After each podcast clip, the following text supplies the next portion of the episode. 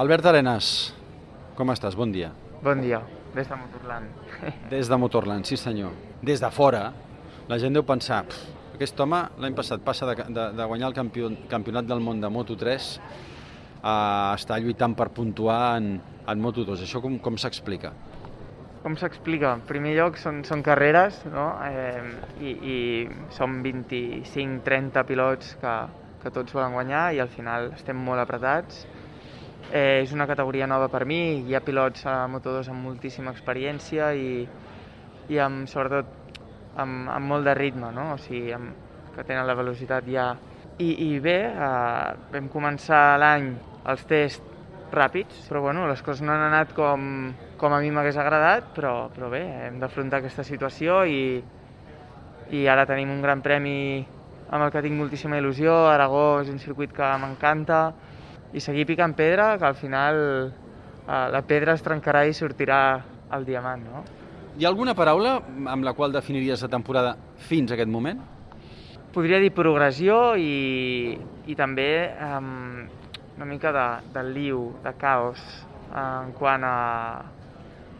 O sigui, ha sigut un, una progressió que des de Qatar, que la primera cursa vaig tenir problemes amb, amb l'avantbraç dret, se m'adormia la mà, vaig fer el 21, a la segona, segona cursa ja vaig aconseguir entrar en el top 15, fer punts, eh, a Portimao vaig seguir millorant, vaig classificar setè, eh, estava lluitant al grup del, del top 10, però se'm va dormir la mà i vaig acabar el 13, vaig decidir operar-me, eh, hi ha hagut moments en el que m'he perdut intentant posar la moto a punt, ens hem perdut, després vam aconseguir continuar progressant, vam fer quatre curses seguides puntuant, vaig fer eh, vuitè a Alemanya, les sensacions milloraven i buscant encara més, més millora doncs eh, ens vam tornar a perdre. Però bé, a Àustria vaig aconseguir a tots els entrenaments estar dintre del top 10, el que la carrera vaig ser un toque amb múltiple, no? Però bé, crec que estem fent el nostre treball, estem picant pedra, està clar que sabem el potencial que tenim i encara no l'hem pogut treure, però, però bé, eh, estic intentant aprendre d'aquesta situació i ja et dic, eh, pensant sobretot en ara, en Aragó i, i amb il·lusió de, de fer un, un bon fin. Perquè és fàcil desesperar-se en una situació així, tot i que segurament en la teva en la teva trajectòria per arribar a lluitar per un Mundial de Moto3 pots haver viscut alguna cosa semblant. Sí, sí, és fàcil desesperar-se, òbviament, perquè al final jo sóc un pilot guanyador i quan les coses no van com, com un vol eh, eh, és fàcil desesperar-te, però estic eh, això intentant treure el millor de, de la situació i el que més més difícil d'afrontar és quan, quan la moto i jo no som un, no? quan intento pilotar i ser el que puc arribar a fer, però no, no, no hi ha aquesta connexió amb la moto que, que ho permet. Estem parlant de tres dècimes, eh? perquè clar, tu millores tres dècimes i passes d'estar al 16 a estar al top 8. Quina és l'evolució en, en el teu cap dels objectius que et vas marcar a principi de temporada i que tens ara mateix? És a dir, tot i aqu aquests alts i baixos de què em parles, ets capaç de mantenir aquell primer objectiu? O no és realista? Quin prim... Sí, bueno, crec el que... que fos. Al final tampoc vaig entrar amb moltes expectatives. Em sentia molt bé pilotar la moto, eh, m'agradava moltíssim eh, la sensació i això em va fer de, dir, de no marcar-me gaires expectatives, no? sinó seguir amb aquesta, amb aquesta sensació.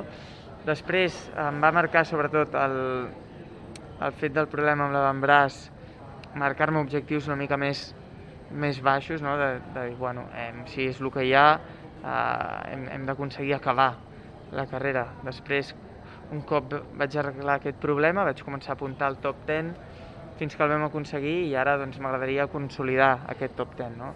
Que ho hem estat fent aquestes últimes carreres en, en sessions d'entrenaments, però, però s'ha de completar, s'ha de completar el cap de setmana, així que, que així seguiré.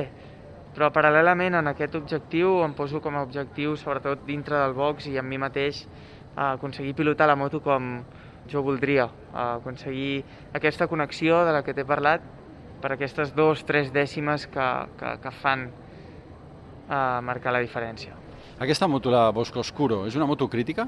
Per mi sí, ara mateix, mm, perquè no aconsegueixo eh, trobar aquesta connexió, però, però està clar que si aconseguim endreçar la situació i, i ordenar una mica la feina que fem a dintre el box, serem capaços de passar d'una motocrítica a fer-la més meva, confiant no? una mica més amb, amb el nostre potencial del, del conjunt i no anar tan a la desesperada provant coses, pugui anar construint aquesta connexió i, i això ho aconseguirem, crec que centrant-nos molt en cada FP, els 40 minuts, eh, tenir el cap present en allà i aprofitar totes les voltes dels entrenaments.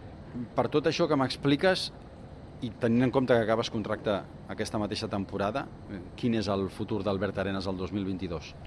M'agradaria continuar on estic. Eh, vam aconseguir el títol l'any passat i m'agradaria seguir aconseguint triomfs per l'Espart Team, així que la meva prioritat i més si, si hi hagués un possible canvi, canvi de moto encara amb més força. Però bé, com t'he dit, és superimportant que tingui la ment concentrada en, en totes les coses que, que t'he explicat i això porta per no pensar ni en una Càlex, ni en una uh, equip, ni porta a pensar en la moto que tinc és, és la, la millor que tinc i, i poder fer uh, demostrar tot el meu potencial i, i tornar a disfrutar pilotant. Gràcies, Albert, molta sort. Gràcies.